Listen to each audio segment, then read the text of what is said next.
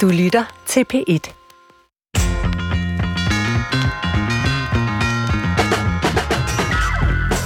At være forældre er vel den største og vigtigste opgave, et menneske overhovedet kan have. Det er helt afgørende for et menneskes liv, at det har haft en god og tryg barndom, så hvis man fejler som forælder, hviler den største byrde på ens skuldre. Man risikerer jo at have ødelagt sit barns liv. Men er det nu nødvendigvis sådan? Er børn ikke mere tilpasningsdygtige og resiliente, som det hedder med et moderne ord, end man skulle tro? Er barndommen virkelig så altafgørende for hele resten af livet? Blandt andet det skal vi undersøge i dagens udgave af Brinkmanns Brix, hvor jeg har besøg af to førende forskere inden for barndoms- og børnepsykologi. Velkommen til. Og jeg har jo tre børn selv, tre teenager faktisk, og dem har min kone og jeg jo opdraget så godt vi kunne.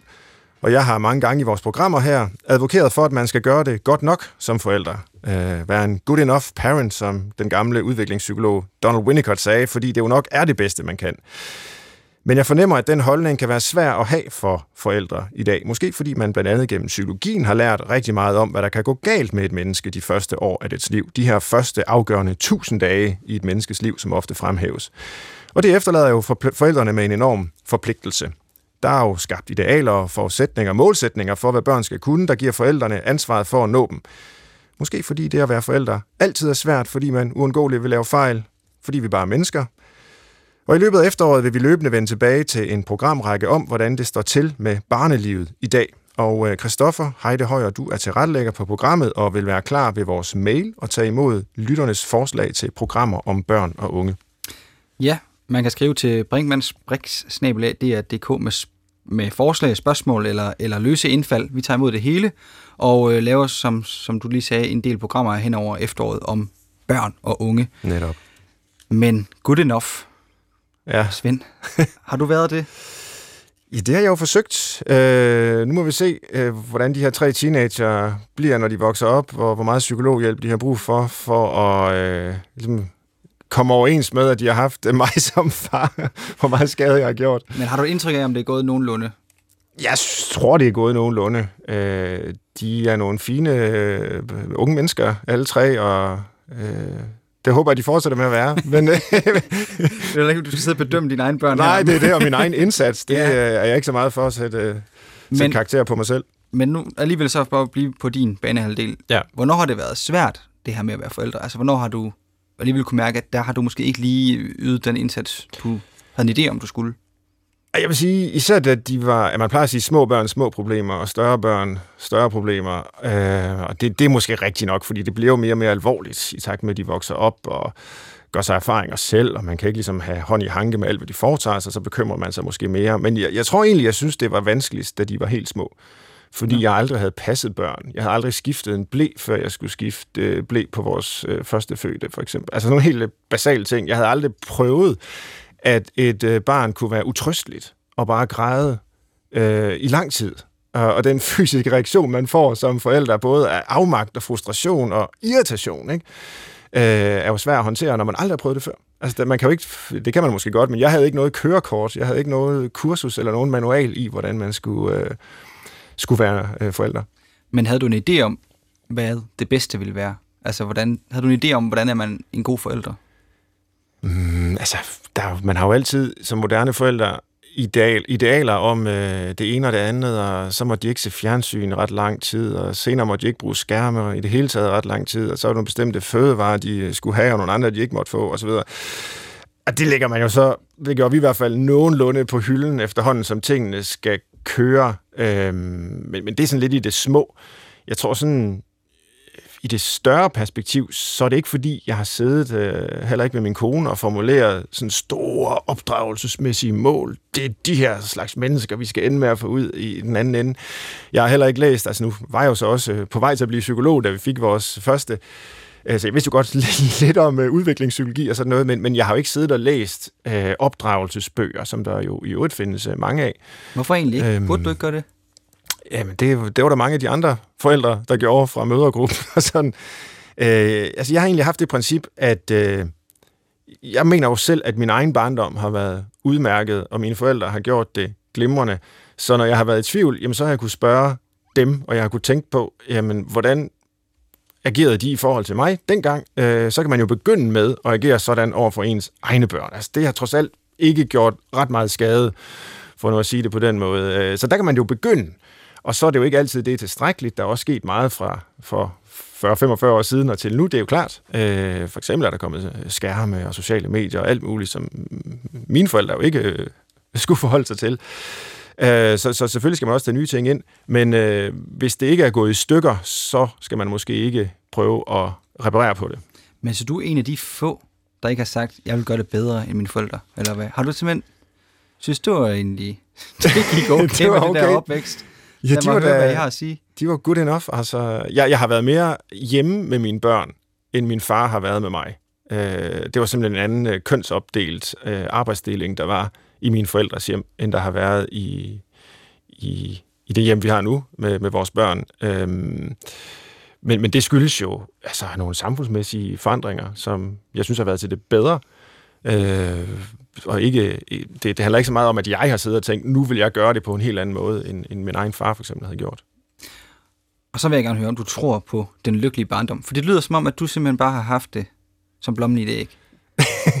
jo, altså, det at være menneske og vokse op, det er jo det, der er jo altid øh, skuffelser og nederlag, og man bliver mobbet lidt, og altså, gør ting, man fortryder. Det, det hører med til livet. Men som og det har det også været i mit, men, men overordnet set, så synes jeg da, at, øh, at jo, jeg har haft en god og, og tryg barndom.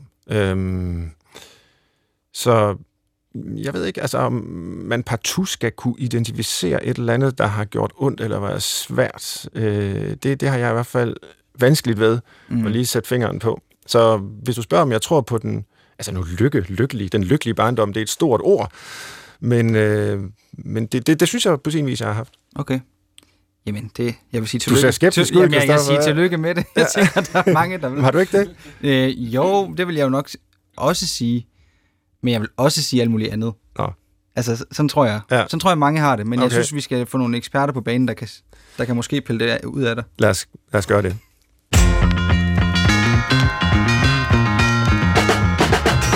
Velkommen til Brinkmanns Brix på P1. I dag har jeg inviteret to meget kompetente gæster. Den ene hedder Mette Skovgaard Væver og er professor ved Institut for Psykologi på Københavns Universitet, hvor du, Mette, forsker i spæd- og småbørns følelsesliv blandt meget andet. Velkommen til, Mette. Tusind tak. Tak, fordi du er med. Og den anden er Dion Sommer, som også er professor her på Psykologisk Institut ved Aarhus Universitet, hvor du forsker i udviklingspsykologi. Velkommen til dig også, Dion. Tak skal du have. Ja, nu endte vi, Christoffer og jeg, lidt med at pingponge om den lykkelige eller ulykkelige barndom. altså, findes den lykkelige barndom? Øh, det kunne være et sted at åbne den her samtale, vi skal have, og, om alle de her spørgsmål. Øh, Dian, hvad siger du? Tror du, den findes? Nej, det, det tror jeg faktisk ikke Nej, rigtigt. Men, du tror ikke helt på det, Men øh, lykkeoplevelser kan faktisk øh, skabes øh, hos børn, og jeg har også set dem. Ja. Altså for eksempel det lejende barn, mm-hmm. som er fuldstændig øh, opslugt i, øh, i sin fantasileje, eller i sin, i sin leg sammen med kammerater. Og, og der forsvinder øjeblikket jo fuldstændig, og, øh, og, og, og tidsfornemmelser. Så der kan børn i deres øh, væren være et sted, som... Øh, men måske senere, når man øh, husker tilbage og reflekterer over de gode nedslag i ens barndom, så kan der være sådan nogle lykkestunder, man husker mm. på. Ja. Ikke? Så man, men altså, jeg tror, at... Øh, nu er jeg ikke selv øh, lykkeforsker, og bliver det heller aldrig. For jeg har set lykkeforskere, de forsker egentlig mest i tilfredshed. Ja. Tilfredshedsundersøgelser. Men det giver mere pote, øh, hvad det hedder, at snakke om lykke, ikke? at det er sådan et, et bedre udtryk. Så jeg mener ikke, at og, og udviklingspsykologien kan overhovedet ikke sige noget som helst om den lykkelige barndom, Nej. men vores fag kan sige noget om den, den gode barndom, og den barndom, som fører til trivsel og velvære, og, øh, og hvor man er fri for angst og depression, og, så videre, og hvad der skal til i udviklingsforløbet helt fra spade alder, faktisk allerede fra fostertilstanden mm. og, øh, og senere i livet. Så, men har du en pointe med ikke rigtigt at ville tale om den lykkelige barndom, men den gode ja, barndom? Er det, er det fordi, der sådan er lidt for meget... Øh, rosenrødt uh, hurra uh, eller noget over lykken? Ja, der er, mange, der er mange grunde til det, men nogle få er, at uh, jeg synes egentlig, det, får, det var vores måde at snakke barndom på er afsporet. Fordi vi uh, under lykke tanken ligger der jo også en ambition om at være selv lykkelig og gøre andre lykkelige, specielt ens børn. Og det er et umuligt projekt. Mm. Altså, jo hurtigere man ligesom abdicerer fra den tankegang, og egentlig bare er good enough parents, og det kan vi komme mere detaljeret, detaljeret ind på senere, hvad det så kan være. Det tror jeg godt, vi kan snart svare rigtig godt på. Men så er jeg skeptisk over for det. Jeg synes egentlig bare, det er, det er en mental konstruktion, som afsporer øh, øh, det egentlige ved at finde ud af, er en god barndom. Ja. Har du det på samme måde øh, med det, med, med de her begreber om den lykkelige versus den gode barndom? Ja, det er i hvert fald heller ikke lykke som sådan, jeg forsker i, kan man sige. Og, øh, og jeg synes jo egentlig, på den måde er vi jo også nødt til at trække videnskabskortet lidt, ikke? Og sige, ja. jamen, hvordan øh, er lykke egentlig blevet operationaliseret? Mm. Øh, altså det vil sige, er der udviklet metoder til at måle lykke hos mm. børn, som jo, lykke er jo også en subjektiv oplevelse, kan man sige. Øh, så, så jeg synes, når vi taler om det her med barndom, og hvad der er godt nok, og det er jeg meget enig i, det der med godt nok, og det glæder mig til mm. at tale meget mere om. Øh, men det er jo faktisk også, fordi vi inden for udviklingspsykologien, og særligt den gren af det, som jeg beskæftiger mig med, nemlig tilknytningsforskningen, er lykkedes med at få udviklet nogle metoder, der gør, at vi faktisk kan måle på Øh, nogle ret komplicerede psykologiske fænomener, øh, som for eksempel denne her følelsesmæssige tilknytning, som barnet udvikler til sine forældre i løbet af første leveår. Og så kan vi faktisk se, at der er forskellige kvaliteter øh, i de følelsesmæssige tilknytninger, som børn har til deres forældre, og også at de forskelle i kvaliteter faktisk får betydning på længere sigt. Mm.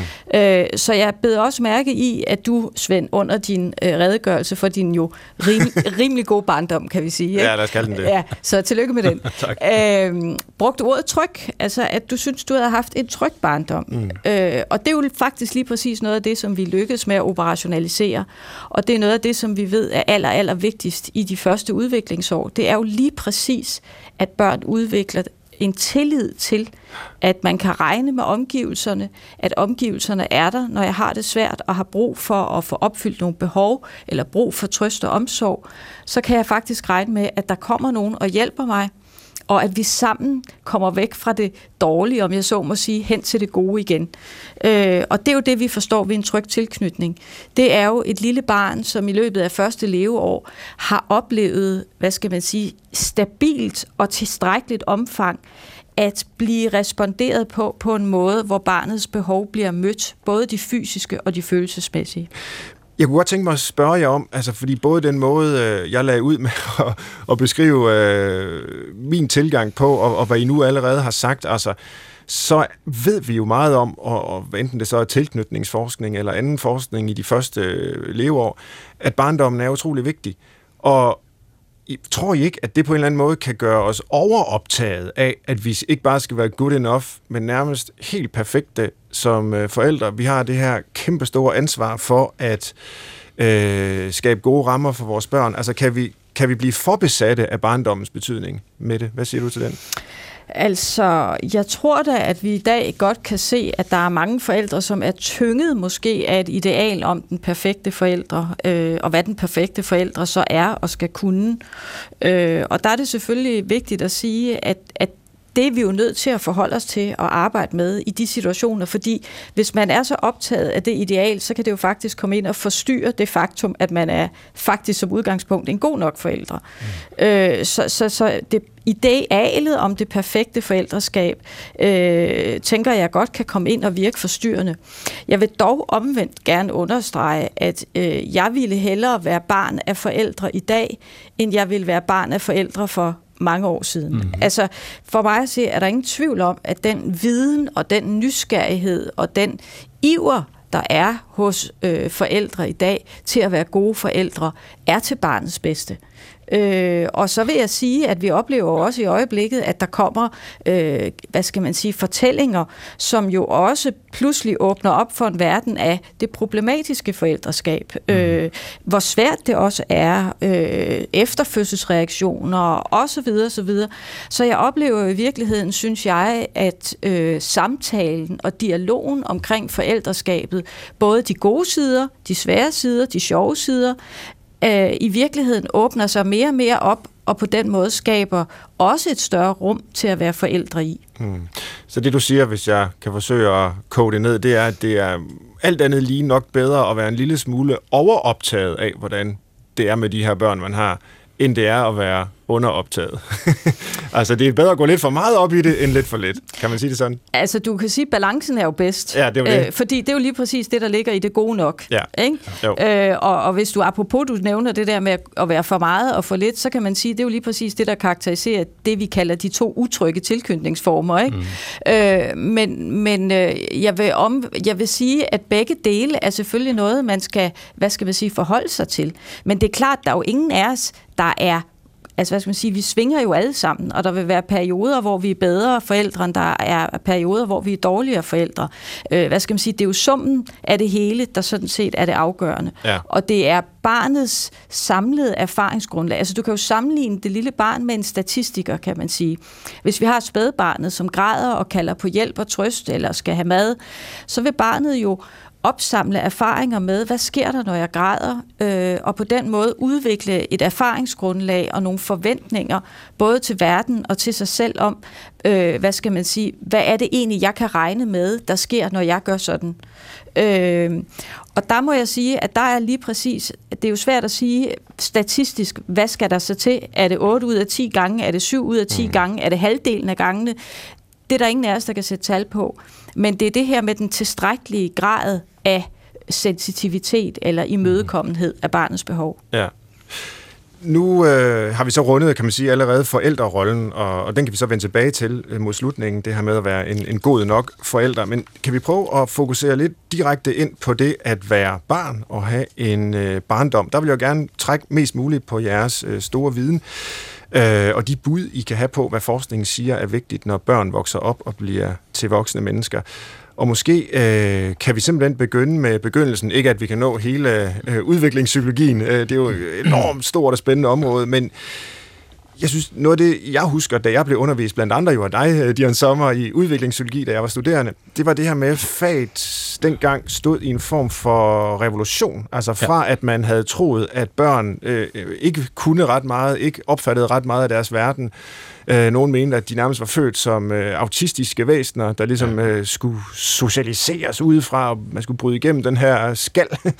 øh, så, så viste det sig, at børn var øh, langt mere kompetente, kunne langt mere, var, forstod langt mere end øh, man tidligere har troet. Og hvis lytterne kender noget til øh, feltet, så et navn som Daniel Stern for eksempel har haft stor ja. betydning som en, der også har populariseret de her tanker om, øh, om små børn. Men det er så mange år siden, jeg havde udviklingspsykologi med dig, Dian Sommer, så jeg kunne tænke mig at spørge om, hvad er status på faget i dag, øh, her 20 år efter, eller hvad det er? 25 øh, snart. Øh, ja. er, er det stadigvæk der, man står, eller, eller hvad er der sket? Jamen, det er jo mega kompliceret. Der er faktisk et, øh, et tredje øh, paradigmeskift på vej i mit fag, hvor man, øh, altså der har ligesom været de, de store grundlæggende store udviklingsteorier med deres, hvad det hedder, deres øh, forestillinger om barnet. Det var jo for eksempel psykoanalysen, Freud og også noget Piaget henover. Og, øh, og så senere blev udviklingspsykologien mere brudt op i specialitetsområder, det vi kalder det, de domænespecifikke felter, hvor nogen går ned og studerer meget grundigt og meget langvarigt og meget kompetent, for eksempel tilknytningsrelationer osv. Mm. Andre øh, studerer noget andet. Men det er sådan ved at, at, at ende med, selvom den øh, periode stadigvæk er meget aktiv, hvad det her, den er stadigvæk på banen, så er der i højere grad nu forsøg på at, ligesom at samle tingene i sådan større dynamiske forståelser af den helhed. Okay. Men øh, mit fag er jo, øh, som professor i udviklingspsykologi, det er egentlig at forstå menneskets forandring fra foster til, til død. Mm. Og det er jo et kæmpe felt, og det er mega stort osv. Men det, det, som jeg sådan kan sammenfatte det her til, det er, at øh, sådan ligesom tesen, at din barndom og din tidligere barndom er din skæbne, så at sige. Det, den er i hvert fald forladt, eller det er en kritisk fase ja. i en udvikling, som er mere eller mindre irreversibel. Den er, der er så meget empiri nu fra øh, langtidsstudier, der viser, at den holder ikke helt. Men vi kan jo sige, at der er særlige sensitive perioder, formationsperioder, som er ret vigtige, og som øh, er, hvad skal vi kalde det, øh, væsentligt at, øh, at være klar over. Men så øh, i dag kalder man egentlig udviklingsforløbet, øh, og hvor det ender i forhold til, når man ser og følger nogen over mange år, for øh, probabilistisk. Uh-huh. Det vil sige, at der er nogle sandsynligheder for, at hvis du har haft en god, tryg, omsorgsfuld barndom, og så ellers ikke møder virkelig, øh, skal vi kalde det, katastrofale store begivenheder på vej under dit liv, så er der en meget stor sandsynlighed for, at de udviklings, gode udviklingsforløb og den barndom fortsætter senere. Men for nogen sker det altså, og det ved vi, for nogen sker der nogle dramatiske ændringer til det værre, for eksempel i, i ungdomsalderen, fordi der sker nogle livsbegivenheder, som er stressende eller sådan. Så, så man kan sige både ja og nej. Altså, der ja.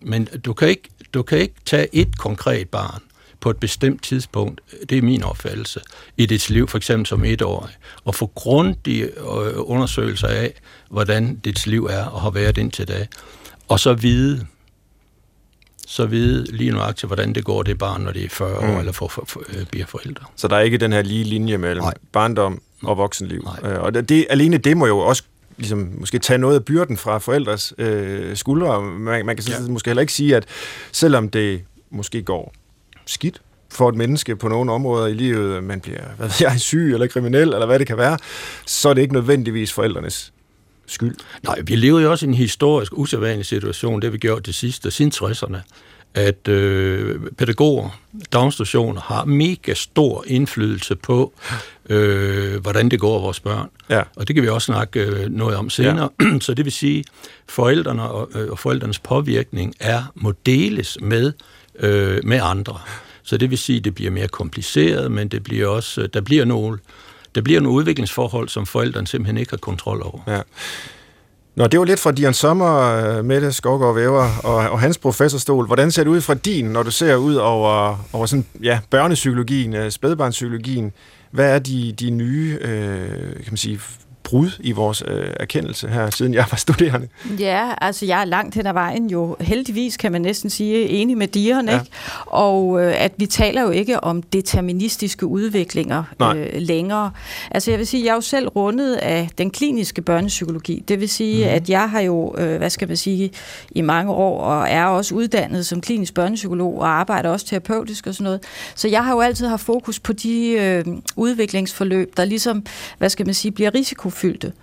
Øh, og der kan man sige, at i gamle dage, altså da jeg lavede min Ph.D., som faktisk var inden for øh, skizofreniforskningen, øh, der havde vi jo nogle meget grundlæggende diskussioner om arv og miljø. Altså, hvad var genetisk, mm. og hvad var miljøet? Øh, og der oplever jeg, eller der er det jo sådan i forskningen i dag, at der er langt hen ad vejen en enighed om, at arv og miljø er en komplicerede processer med hinanden, øh, og at man kan sige, at det ene påvirker det andet, og det først, altså hvad skal man sige, der er en gensidig påvirkning mellem det. Øh, så også i sammenhæng med det, som Dion siger, så vil jeg så sige, at noget af det, jeg også har forsket inden for, det er det, der hedder udviklingspsykopatologien. Mm. Og der er vi meget opmær- altså, interesseret i at afdække sådan specifikke risikofaktorer og beskyttende faktorer, øh, og hvordan de interagerer, kan man sige, i det enkelte individs liv. Mm. Øh, og, og det synes jeg sådan set er en meget interessant retning, og også meget nuanceret forståelse af individets udvikling. Øh, som netop, hvad skal man sige, til gode ser de her komplekse processer, der hele tiden foregår mellem det, barnet har med sig, når det bliver født. Fordi vi ved jo, at babyer, når de bliver født, er vidt forskellige. Ja. Og vi ved også, at de opgaver, som forældrene står med, når de får deres barn, er vidt forskellige. Hvis de får et barn, som har nogle medfødte vanskeligheder af den ene eller den anden art, er for tidligt født eller øh, andre ting, så er det en anden opgave og mere udfordrende opgave måske at være forældre i den kontekst, end hvis man får sådan et barn, der kommer lige til terminen, øh, siger lidt piv-piv, når den er sulten, får lidt mad, smiler lidt og falder så i søvn og vågner lidt senere og vil godt have lidt mad igen. Ikke? Altså, der er jo meget, meget stor forskel på, hvor regulerede børnene er, også fra starten, og hvor nemme de er at samregulere med, kan man sige, som forældre. Men det må så både være en spændende tid, men også en lidt kompleks tid at være øh, børneforsker og udviklingsforsker mm. i. Øh, fordi det, I siger, øh, hvis jeg skal prøve at sammenfatte det, som jeg hører det, jamen så er det jo, at jamen, de her deterministiske modeller, hvor man måske lidt mekanisk kunne sige, hvis man opførte sig sådan over for sine børn, så blev de sådan. Hvis de havde de her de gener, måske, øh, så ville de udvikle de og de personligheder, de og de øh, psykiske lidelser måske. Altså, jeg, det er ikke så mange år siden, man kortlagde det menneskelige genom og fandt ud af, at der var faktisk ikke ret mange gener, og alt det der med, at man kunne gå direkte fra nogle bestemte gener øh, til nogle bestemte forhold i, i livet, det, er på, det kan man med nogle ganske få ting, men slet ikke, som man måske havde håbet. Så alt det mekaniske tænkning, øh, med sådan en-til-en forhold, alt det lignende, det har vi mere eller mindre smidt væk. Men hvordan pokker gør man så? Altså, hvordan skal vi så tænke om, øh, om børns udvikling? Ja, det er jo... Øh, det, det er et stort spørgsmål. Det er lidt svært at, at, ja. hvad det hedder, øh, at tale om, men jeg har det sådan, virkeligheden er super kompliceret. Ja.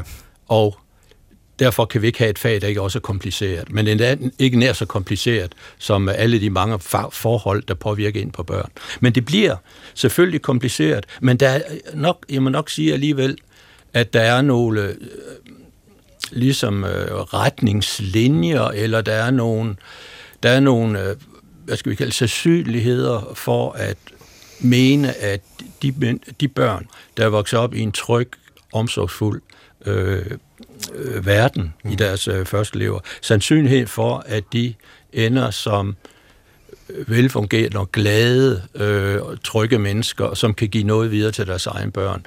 Den sandsynlighed den er faktisk øh, ret meget større, end hvis du er født øh, i, i en familie med højt stressvold og alt muligt. Hvis der er rigtig mange risikofaktorer i din barndom, eller i, øh, i, øh, i fostertilværelsen, hvor der også i dag ved vi, sker rigtig mange ting, når, når kortisol for, for tit og for meget og for ofte rundt i, øh, i foster, som så stresser, som så giver en anden fødsel, kan vi så sige, som epigenetisk slår igen på en anden måde i foster osv. Så det, det er da i hvert fald øh, nok øh, den, de tomme thumb rules, jeg har, det er, at, at der må vi der må vi forvente en, øh, at, at, hvad skal vi kalde det, den gamle fortælling om, at den gode barndom fortsætter også i den gode voksen øh, og alder eller voksendom. Men der er altid en række undtagelser. Lad os prøve at øh, kigge lidt på, hvad det er for et øh, samfund, hvad det er for nogle institutioner, børn øh, udvikler sig i, og hvordan vi kan skabe de bedst mulige rammer for øh, børns udvikling. Det kunne jeg godt tænke mig at, at spørge jer lidt til. Og vi kunne begynde med en slags øh, leg, hvor jeg nu giver jer frie hænder til at indrette samfundet præcist, som øh, I vil, ud fra tanken om, at børnene i det samfund skal have de bedst mulige betingelser for at udvikle sig optimalt. Og det er altså vores arbejdsliv som voksne, hvordan vi bor, hvordan vi lever, og selvfølgelig også, hvordan vi bygger institutioner op, som børnene er i. Øh, det kunne måske være en vej ind i det her komplekse felt. Nu er det ligesom slået fast, øh, børns udvikling er en kompleks størrelse. Det handler om gener, det handler om miljø i komplekse dynamiske samspil, det handler om alle mulige kontekster, det handler om forældre, som er på bestemte måder. Alle mulige faktorer spiller ind. Men lad os prøve at fokusere lidt på de her ydre betingelser. Mette Væver, hvad, øh, hvordan vil du gribe det an, hvis du kunne sådan helt utopisk designe et samfund på børnenes præmisser? Ja, det er et godt spørgsmål. Men altså, jeg vil nu øh, øh, fastholde, at, at selvom det er komplekst, så er det jo ligesom Dion siger, der er jo ting, vi ved. Ja. Øh, og det synes jeg er meget vigtigt at holde fast i. Så det er jo ikke fordi, vi sådan sidder med en, en, en hvid, ubeskrevet tavle af, hvad børns udvikling handler om, og hvad der er godt. Mm. Øh, og lige præcis de her tidlige relationelle erfaringer er jo rigtig vigtige for barnet. Øh, og det her med, at omsorgspersonerne er sensitive. Mm. Øh, og der vil jeg sige, at vi ved jo, at forældrenes sensitivitet er det vigtigste i barnets første leveår. Mm. Men så er det jo ganske rigtigt, at når vores børn er cirka 10 måneder i gennemsnit, så begynder de jo på deres, øh, hvad skal man sige, lille arbejdsliv, hvis vi kan kalde det det, øh, hvor mange af dem starter i daginstitutioner, og de er der 7,5 timer om dagen, fem dage om ugen, øh, med nogle voksne. Øh, og derfor er det selvfølgelig super, super vigtigt, at vi forholder os meget mere til, hvad er det, vores børn møder i dagligdagen i institutionerne. Ja. Fordi de pædagoger og det pædagogiske personale, der er der, de skal jo være næsten forældre. Altså ikke forstået på den måde, at de skal ind og være øh, forældre for børnene, men de skal faktisk kunne nogle af de samme ting, især når vi taler om de helt små børn. Øh, og deres udfordring er jo så, at de har ikke et eller to børn, de skal forholde sig til. De har jo nogle gange fire eller fem børn, der alle sammen har behov på samme tid. Mm. Øh, og der må må jeg sige, at der synes jeg virkelig, at vi har øh, en opgave foran os i forhold til at i dialog med pædagogerne og tale om, hvordan kan øh, den pædagogiske uddannelse måske i højere grad også fagne nogle af de her meget komplekse øh, følelsesmæssige problemstillinger, som de møder hos børnene, øh, og selvfølgelig også normeringer, som jo er øh, på dagsordenen. Øh, jeg kunne også godt ønske mig, at vi kom til at at, hvad skal man sige, at vi talte om, øh, hvad skal man sige, pædagoguddannelsen og de faglige kvalifikationer i højere grad ud over, og samtidig med normeringerne selvfølgelig. Ja. Kan du prøve bare lige at spole lidt tilbage med det, og fortælle, hvad, det, hvad der ligger i det her begreb om, at man skal være sensitiv som voksen, som forælder, som pædagog i relationen til børnene? Ja, altså helt konkret kan man sige, så handler det jo simpelthen om, at øh, man punkt et, altså det er jo defineret inden for tilknytningsteorien af hende, der hedder Mary Ainsworth, og det er sådan en meget øh, simpel definition, altså at man simpelthen skal være opmærksom på at opdage sit barns signaler, det er ligesom det første skridt. Mm. Øh, og der kan man sige, at med vores tid familieliv, hvor de digitale medier fylder så meget, der kan vi godt blive lidt bekymrede, og det er der også forskning, der tyder på, i forhold til det her med de helt små børn og deres forældres opmærksomhed. Men først og fremmest skal man være opmærksom på sit barn. Mm-hmm. Så skal man kunne forstå, hvad er det egentlig barnet forsøger at fortælle med sin adfærd. Altså, hvad er det for et behov, og hvad er det også for nogle følelser, der ligger bagved. Så man skal ligesom kunne fortolke på barnets adfærd og forstå, hvad er det egentlig, der er det bagvedliggende behov for det, som mit barn nu gør. Og så skal man selvfølgelig kunne reagere på en passende og også aldersvarende afstemt øh, måde i forhold til barnet. Mm. Og der, hvor vi har med for eksempel øh, udsatte forældre at gøre, det er jo der, hvor de faktisk kan have rigtig svært ved at afgøre, hvad er det egentlig, jeg kan forvente af en seks måneders for eksempel og kan komme til at tillægge barnet nogle, øh, hvad skal man sige, egenskaber, som barnet måske slet ikke har øh, i den alder. Øh, Dion, måske med udgangspunkt i, øh, i, i noget af det arbejde, du også har lavet, øh, et stort forskningsprojekt har I haft med, hvor jeg har fulgt en gruppe fra 5 måneder til 15 år. Ja. Er det rigtigt? Ja. Øh, og der hører man jo måske især om de lidt øh, ældre i den aldersgruppe, at de hører til en generation, der lider af stress og depression og angst ja. og, og alt muligt. Kan man ud fra for eksempel det studie sige noget om, hvordan samfundets institutioner og opbygning kunne forbedres, så det var øh, simpelthen bedre for børn? Nej, det kan man næppe. Nej. Men øh, vi kan i hvert fald sige meget tydeligt, for vi har fulgt det samme fra 5 måneder til, til 15 år, hvad der har stor betydning øh, for de børn. Og det jeg lige vil sige her, det er ud fra SDQ, øh, hvad det hedder, måle øh, redskab, questionnaire, vi har brugt, som er et valideret redskab om børns styrker, børnenes styrker og svagheder osv. Der har vi jo kunne se, at langt de fleste, trods alt, af en generation af børn, de vokser op og bliver det, vi kalder øh, psykologisk øh, øh, normale og øh, velfungerende osv. Og langt de fleste? Hvor, langt, langt de hvad fleste. Hvad vil det sige? Er det 90 procent? Nej, det vil så sige, nej, altså, ja, det vil så sige 80-85 procent. Okay. Sådan. Ja. Det kommer lidt an på alderen også, men, men det ser sådan ud, så det, det, det kan jeg føle mig sådan ligesom, fordi det er en repræsentativ undersøgelse, som blev lavet, så det kan jeg sådan sige og generalisere ud fra den. Mm. Og det er den eneste mulighed, vi har for at generalisere. Men det utopiske samfund, det er jo ikke sådan noget, øh, man sådan går rundt og studere. Men jeg kan da godt prøve, altså, altså jeg, jeg er sådan, måske også mere realist. Jeg har skrevet en hel del om, øh, også øh, sammen med andre, om øh, hvad er det, fremtidssamfundet. Ja. Altså at så, øh, de børn, der, der er gået i, i daginstitutionen i dag, sandsynlighed for, at de vil arbejde sammen med kunstig intelligens og, og andet, øh, måske endda nogen mere end arbejde sammen med mennesker, den er enorm. Så det vil sige, fremtidssamfundet, øh, som jeg godt kunne ønske mig anderledes og bedre, men som jeg opfatter det, det nok kommer til at blive, plus de abrupte ændringer med klimaforandring osv., det kommer til at, at sætte nogle uforudsigeligheder op, som jeg tror, det er vigtigt, vi får lagt ind i vores øh, horisont, når vi er forældre og skal opdrage børn og forberede dem til noget øh, derude, der kommer efter mig. Ja. Og også i vores daginstitutioner og i vores skoler. Og jeg vil lige sige, hvad angår øh, daginstitutionerne og skolerne, og det har ikke noget med den enkelte pædagog at gøre. Det synes jeg ikke bliver gjort, øh, som det skal. Der er ikke den øh, forberedelse til et øh, person, øh, socialt psykologisk eller en læringsmæssigt. Mette, Mette til, på, til, ja, på, til, på pædagoguddannelsen simpelthen. Til, ja, sted. Ja. ja, ja, men, øh, men altså, Mette nævnte jo lige kort nummering. Der er nogle strukturelle ja, forhold ja. i Danmark, i daginstitutioner. Jeg sagde det jo allerede, øh, til information for 12 år siden, mm. at jeg kunne ikke anbefale forældre at sætte deres børn i dagstation på grund af dårlige normeringer. Og de er blevet værre og værre. Og vi ved simpelthen fra forskning, at jo pædagogerne kan være de bedste pædagoger af alle, men det er altså meget svært at forstå og tolke et konkret barns øh, ytringer eller have indlevelse, hvis man er for få. Mm. Og det ved det jo lidt banalt at sige. Men, men det hvad er, er den baseret er. på? Øh, fordi det kan jeg godt huske, du skrev, og jeg synes, øh, det var øh, altså, bemærkelsesværdigt og også lidt uhyggeligt at læse om det dengang. Ja. Og det er jo ikke, fordi det nødvendigvis er blevet frygtelig meget bedre siden. Nej, det, øh, tværtimod. tværtimod.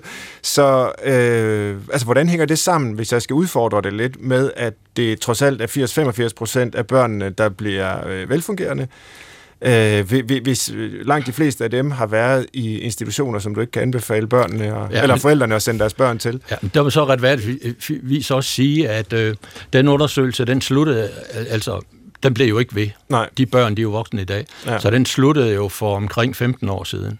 Okay. Det vil sige, ud, så, så man kan næsten korrigere det, vil sige, sådan lidt tilbage i tid, øh, der så det sådan ud. Ja. Og der så, øh, men i dag er det blevet værre, for det kan vi jo se af de undersøgelser, der er af børns trivsel og velfærd. Men mener du Den har aldrig været dårligere end, øh, end øh, altså i min tid. Ja. Øh, som, mener du virkelig, at forældre, der sidder og lytter til det her, øh, nærmest skal tage deres børn ud af institutionen og sige deres arbejde op, hvis de kan det? Øh, det, det er jo de færreste, der har den mulighed. Det kan de jo ikke, For, men, nej. nej, men det er jo Hvad skal et, de gøre? et kæmpe dilemma. Ja. Øh, jeg har da bare sådan, altså som forsker er jeg nødt til at sige det, som man synes, der er belæg for at sige. Også når konsekvenser kan være ubehagelige. Og nu har vi jo trods alt nogle idéer, eller der er kommet nogle politiske øh, meldinger om, øh, hvad det hedder, bedre normeringer og sådan, selvom det var lang tid før det kommer. Men vi ved, at dårlige normeringer og store børnegrupper, det, er, øh, øh det giver problemer. Må, må jeg bryde ind her og, og, og sige, at, at jeg er jo øh, for så vidt enig et langt stykke af vejen, og øh, altså jeg vil sige, for eksempel ved vi også, jeg har lige været med i en undersøgelse, vi har lavet for Vidensrådet for Forebyggelse, hvor vi kigger på den mentale sundhed ah. øh, fra 0 til 9 år. Ja. Og der ved vi, at mindst 16 procent af de 0 til 9-årige, de har faktisk betydelige psykiske vanskeligheder i Danmark, og 8 procent diagnostiseres med en psykisk sygdom i hospitalsvæsenet, inden de fylder 10 år. Så der er jo mange børn, kan man sige, i Danmark, der egentlig har det det svært. Jeg er nødt til at sige, at jeg synes svaret på, hvorfor vi ser øh, den øgede forekomst af diagnoserne, især jo øh, angst og depression og måske også ADHD, er meget kompliceret. Jeg vil, ja. ikke, jeg vil nok ikke øh, altså jeg vil sige, øh, institutionerne kan være en del af svaret, men jeg synes jo, at det er et meget kompliceret billede, vi ser, hvor vi ser, øh, hvad skal man sige, altså min forskning er jo primært rettet mod de nære relationer i familien, så det er faktisk mhm. ikke, fordi det er noget, jeg ved så meget om, men med udgangspunkt i Bronfenbranders øh, klassiske model om, hvordan familien er indlejret i andre og større systemer, mm. så kan man jo sige, at der er jo sket mange kulturelle og samfundsmæssige forandringer over årene, som også lægger pres på familielivet. Ja. Og jeg synes, at jeg, jeg vil nødigt entydigt placere årsagen øh, til den øgede forekomst af diagnoser et sted. Mm. Altså jeg tror, det er meget mere kompliceret som så. Og jeg vil også gerne sige, at der er også den mulighed, at vi ser en øget forekomst af diagnoser, fordi vi et er blevet bedre mm. til at diagnostisere, ja. to at det er blevet meget mere acceptabelt øh, og muligt at tale om, hvordan man faktisk har det. Øh, altså når jeg tænker tilbage på min skoleklasse eller min gymnasieklasse for den sags skyld, øh, så tror jeg da faktisk nok, at der var et par stykker der, der også kunne have hentet en diagnose, øh, hvis ja. det havde været i dag. Ikke? Ja. Øh, så jeg synes, der er utrolig mange. Det er et meget komplekst billede. Øh, og jeg, jeg tænker, at, at det er den kompleksitet, man er nødt til at forholde sig til. Altså, når jeg bliver interesseret i det, så er det selvfølgelig, eller jeg er også er interesseret i det af mange grunde, men jeg er selvfølgelig også interesseret i det, fordi de unge mennesker, vi nu ser, øh, som har, øh, hvad skal man sige, en øget forekomst af psykiske vanskeligheder, de bliver jo forældre, øh, kan man mm. sige, inden for de kommende år. Og det synes jeg, øh, kan man sige, er noget, vi skal forholde os til. Mm. Fordi vi ved, at lige præcis det her med forskellige risikofaktorer, at de kan gøre sig gældende i det nære miljø, øh, i forældrene, det kan, øh, men det kan også gøre sig gældende i institutionsmiljøet, det kan gøre sig gældende på mere samfundsmæssige og strukturelle planer.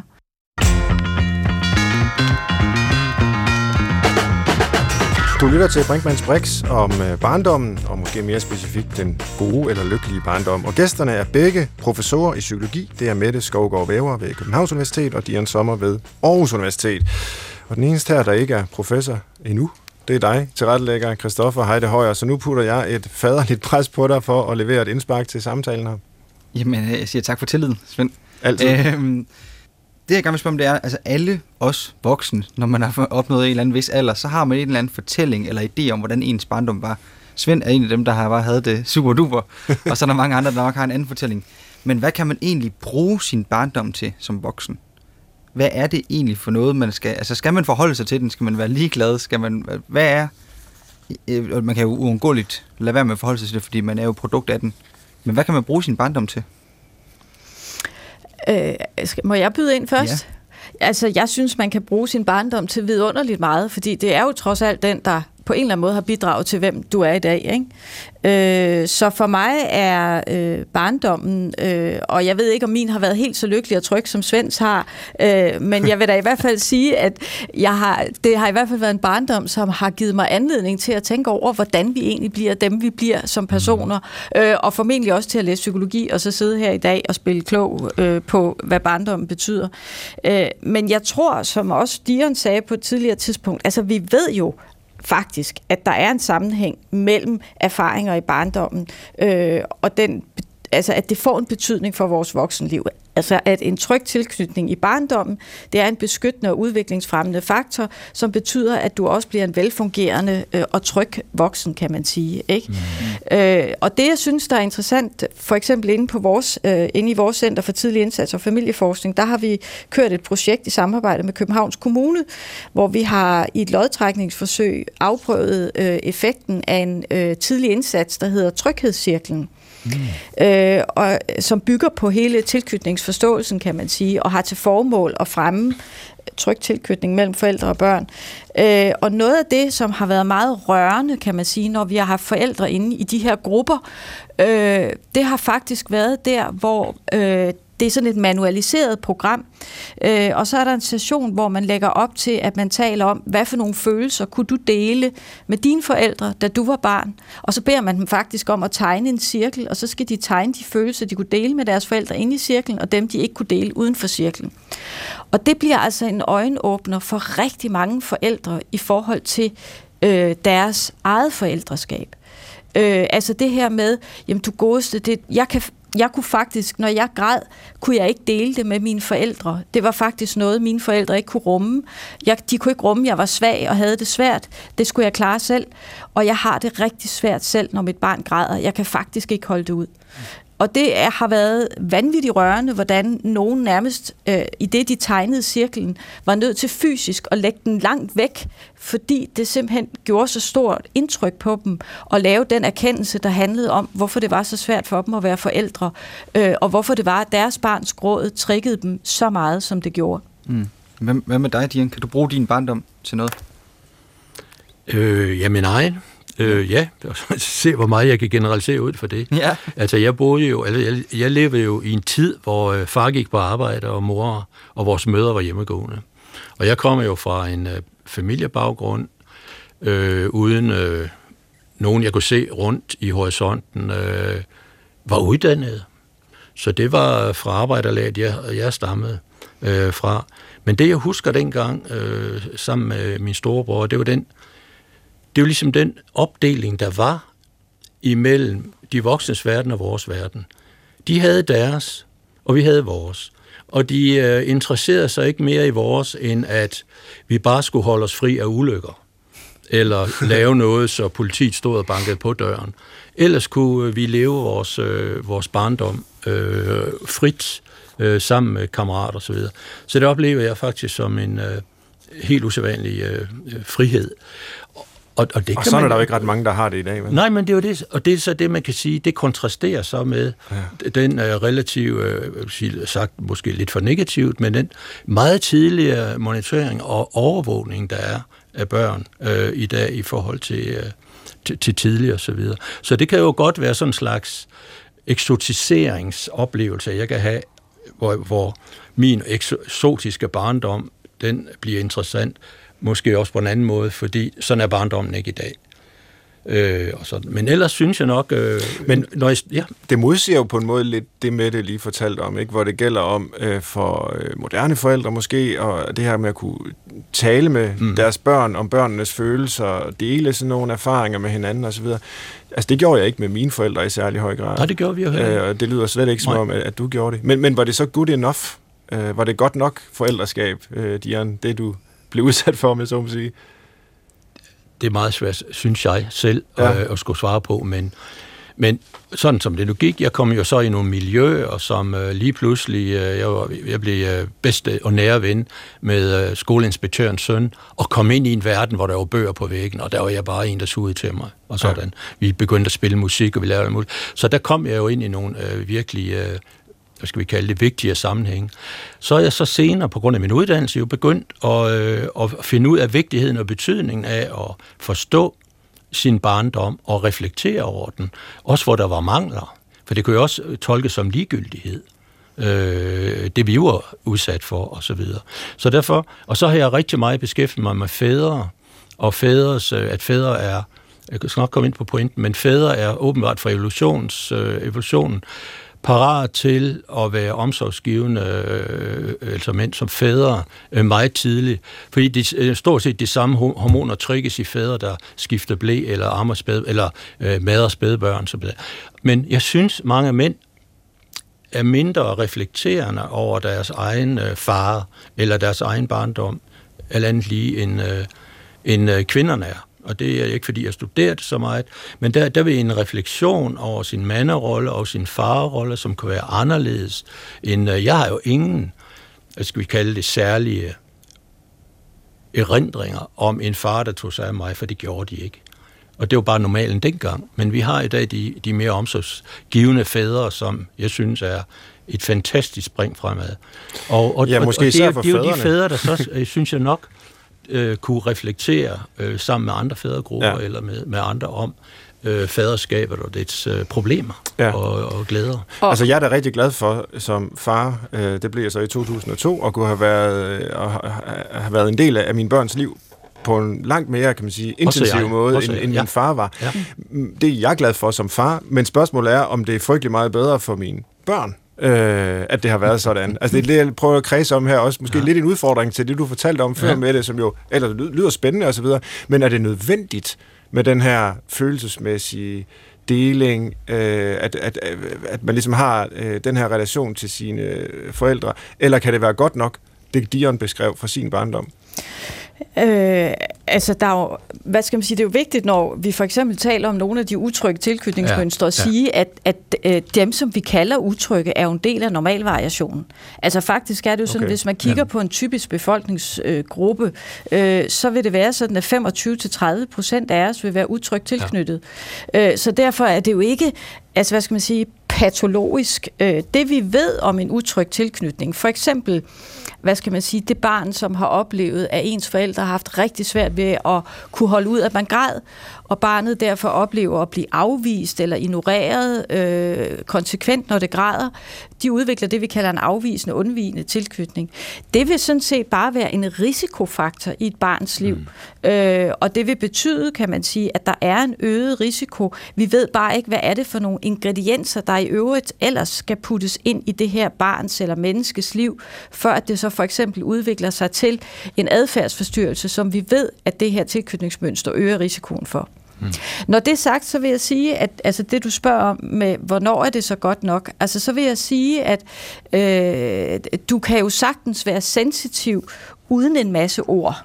altså, ja. øh, det er jo ikke nødvendigvis sådan, at du skal sidde og fortælle dit barn, hvad du føler. Og, øh, men det vi ved, det er jo, at de forældre, som taler med deres barn om, og prøver på at gætte barnets indre verden og sige, nå, er du ked af det? Eller, ej, du synes, den bold er sjov. Eller, de får jo faktisk selv et større ordforråd og en større forståelse for andres indre verden. Mm. Øh, så, så på den måde kan man sige, at og de får nemmere ved at genkalde sig følelser og sætte ord på dem efterfølgende. Ikke? Vi skal så småt til at runde af, men jeg kunne tænke mig, at vi lige sluttede øh, af nu, den her del af snakken i hvert fald, med en form for øh, opsummering på øh, det her med at være en god nok forældre. Altså, hvor bredt et spillerum har man for at være god nok? Jeg ved godt, det er svært at svare på, men man kan sige, er det lige meget, om man i den ene ende opdrager med kæft, trit og retning, og virkelig øh, ro og renlighed, og øh, måske ikke regelmæssighed, men rigiditet, øh, versus øh, masser af fri øh, skærmtid, og øh, gør, hvad du vil, og her er nogle penge, køb noget kage. Øh, altså, kan, kan begge dele være god nok, et godt nok forældreskab, eller er der alligevel mere, man kan sige? Øh, Dian Sommer, hvad... Ja, men jeg har jo arbejdet meget med øh, øh, Baumbrins øh, øh, øh, autoritative forældreskab eller opdragelsestanke øh, ja. og model.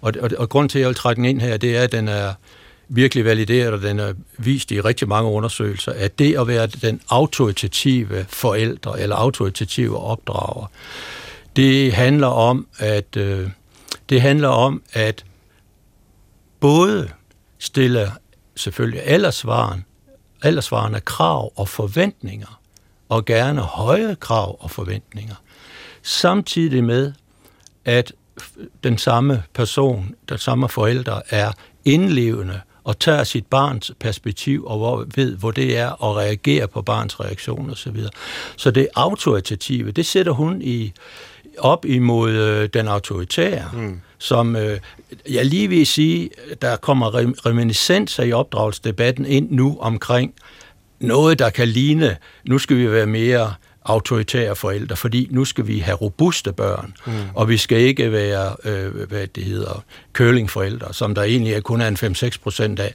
Det er en af de største myter, som næsten er ikke til at slå ihjel. Ja. Det er, men den figur, der kommer, øh, stråmand, der bliver lavet som curlingforældre, det bliver jo egentlig så at sige, nu skal vi have noget mere konsekvens ind i opdragelsen. Og der er, der er Baumrins autoritativ forældreskab, hvor hun heller, hun har jo undersøgt både det autoritære, det øh, autoritative, men også de eftergivende forældre, og så de ligeglade og ligegyldige forældre.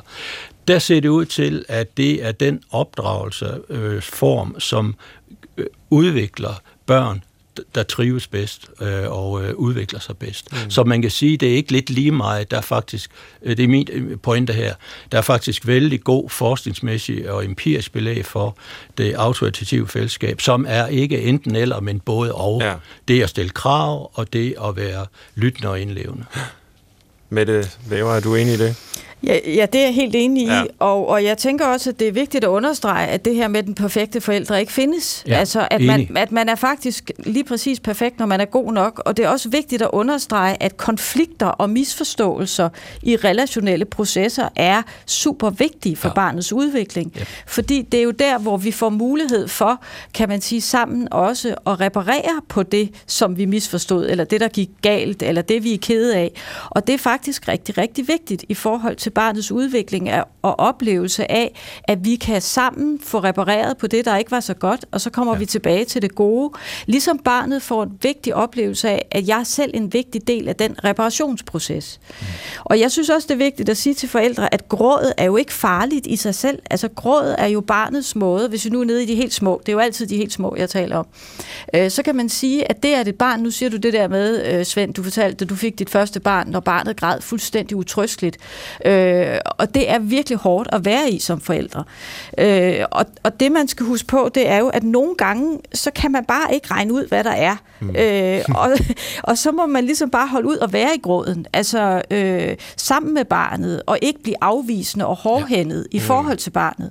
Fordi på et tidspunkt, så går det jo over, kan man sige. Ikke? Jeg kan anbefale ørepropper. Øh, ørepropper. Ja, eller, så kan man holde ud og stå og, eller man kan, barnet. Eller man kan høre øh, Brinkmanns Brix, ja. øh, øh, hvis man kan få...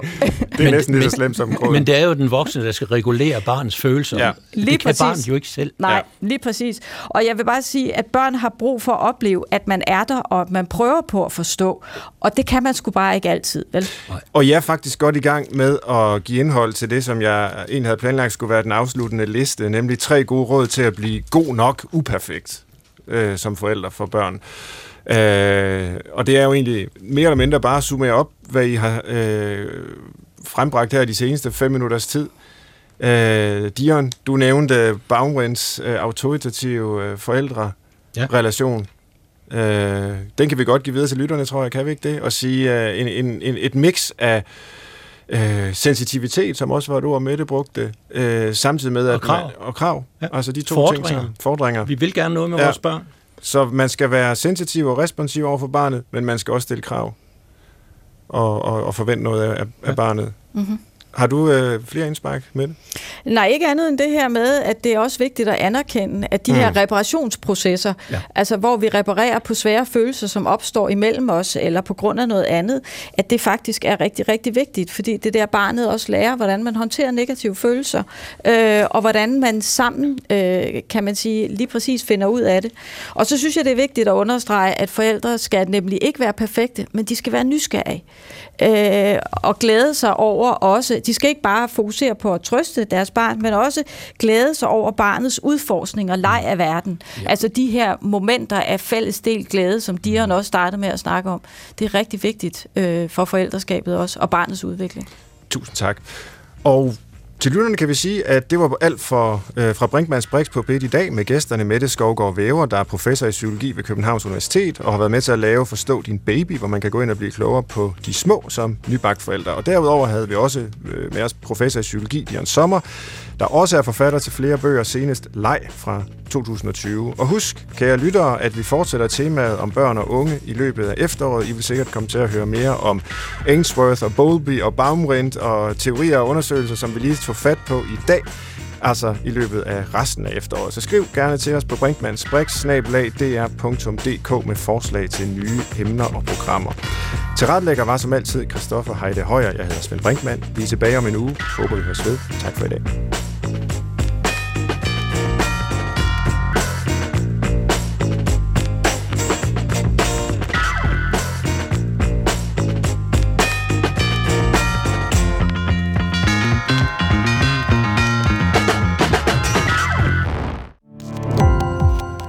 Gå på opdagelse i alle DR's podcast og radioprogrammer. I appen DR Lyd.